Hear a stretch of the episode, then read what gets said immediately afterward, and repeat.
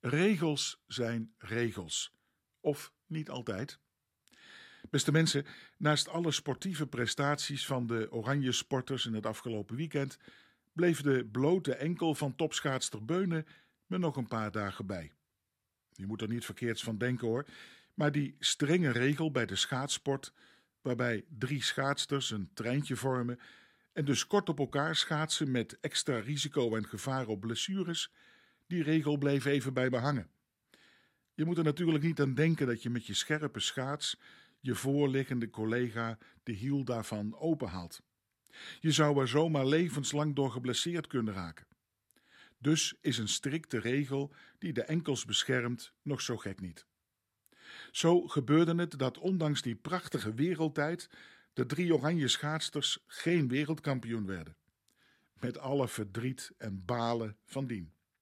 Maar misschien gaf juist die frustratie later ook extra power voor goud. Ook als wij onze kinderen en kleinkinderen spelletjes leren spelen, dan weten ze dat regels bij het spel horen. En dat zal u denk ik ook misschien wel bekend voorkomen, dat regelmatig geprobeerd wordt gaande het spel de regels aan te passen. En soms kan door frustratie het spelbord zomaar door de lucht vliegen. Toch zonder regels kunnen we niet leven. Het zijn de kaders, de piketpalen van het leven om het leven mooier, beter en leefbaarder te maken. Maar ze kunnen soms ook als beknellend ervaren worden, overdreven soms. Ja, voor anderen zijn ze goed, maar ook voor mij. En is het niet correct dragen van zo'n enkelbandje nou echt reden voor disqualificatie? Is dat niet wat overdreven? Voor veel mensen heeft ook geloof, en misschien nog wel meer de kerk, vooral ook met regels te maken. En dan vooral in wat je allemaal niet zou mogen. Jazeker, ook in de Bijbel komen we regels, wegwijzers voor het leven tegen. Basisprincipes om je zo tot elkaar, maar ook tot de schepper van het leven te verhouden. De meest bekende zijn natuurlijk de tien leefregels, de tien basisgeboden. Ze zijn allemaal gebaseerd op de liefde tot God en de medemens. Op vertrouwen en trouw. Vertrouw maar op God en op elkaar en geef vertrouwen. En dat betekent dat je elkaars leven, elkaars woorden, beloften, bezit respecteert, op je schepper vertrouwt en er geen andere afgoden bij nodig hebt. Dat je zorgt voor goede verhoudingen en balans in je leven, bijvoorbeeld tussen werk en rust. Eén dag in de week voor rust en aandacht voor God en je naaste. Dat lijkt me prima. De Bijbel roept ons ook op om ook aan onze kinderen de regels van het levensspel te leren en ze voor te leven.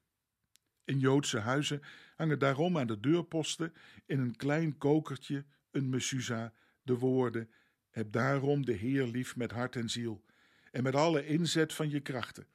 Houd die geboden die ik je vandaag opleg steeds maar in gedachten. Schrijf ze op de deurposten van je huis en op de poorten van de stad. Die regels zijn bedoeld om het leven inderdaad mooier en leefbaarder, beschermender te maken. Niet beknellend of in beton gegoten. Zo liet Jezus zien toen hij met zijn leerlingen op een sabbat wandelde en zij de aren plukte op het veld om ervan te eten. Daar kwam kritiek op, want op de sabbat mocht je toch niet werken. Maar Jezus liet zien dat de regels van God juist bedoeld waren voor de mens en niet andersom. Wat natuurlijk aan de andere kant weer geen vrijbrief is om alle regels maar overboord te gooien. Wees er maar zuinig op.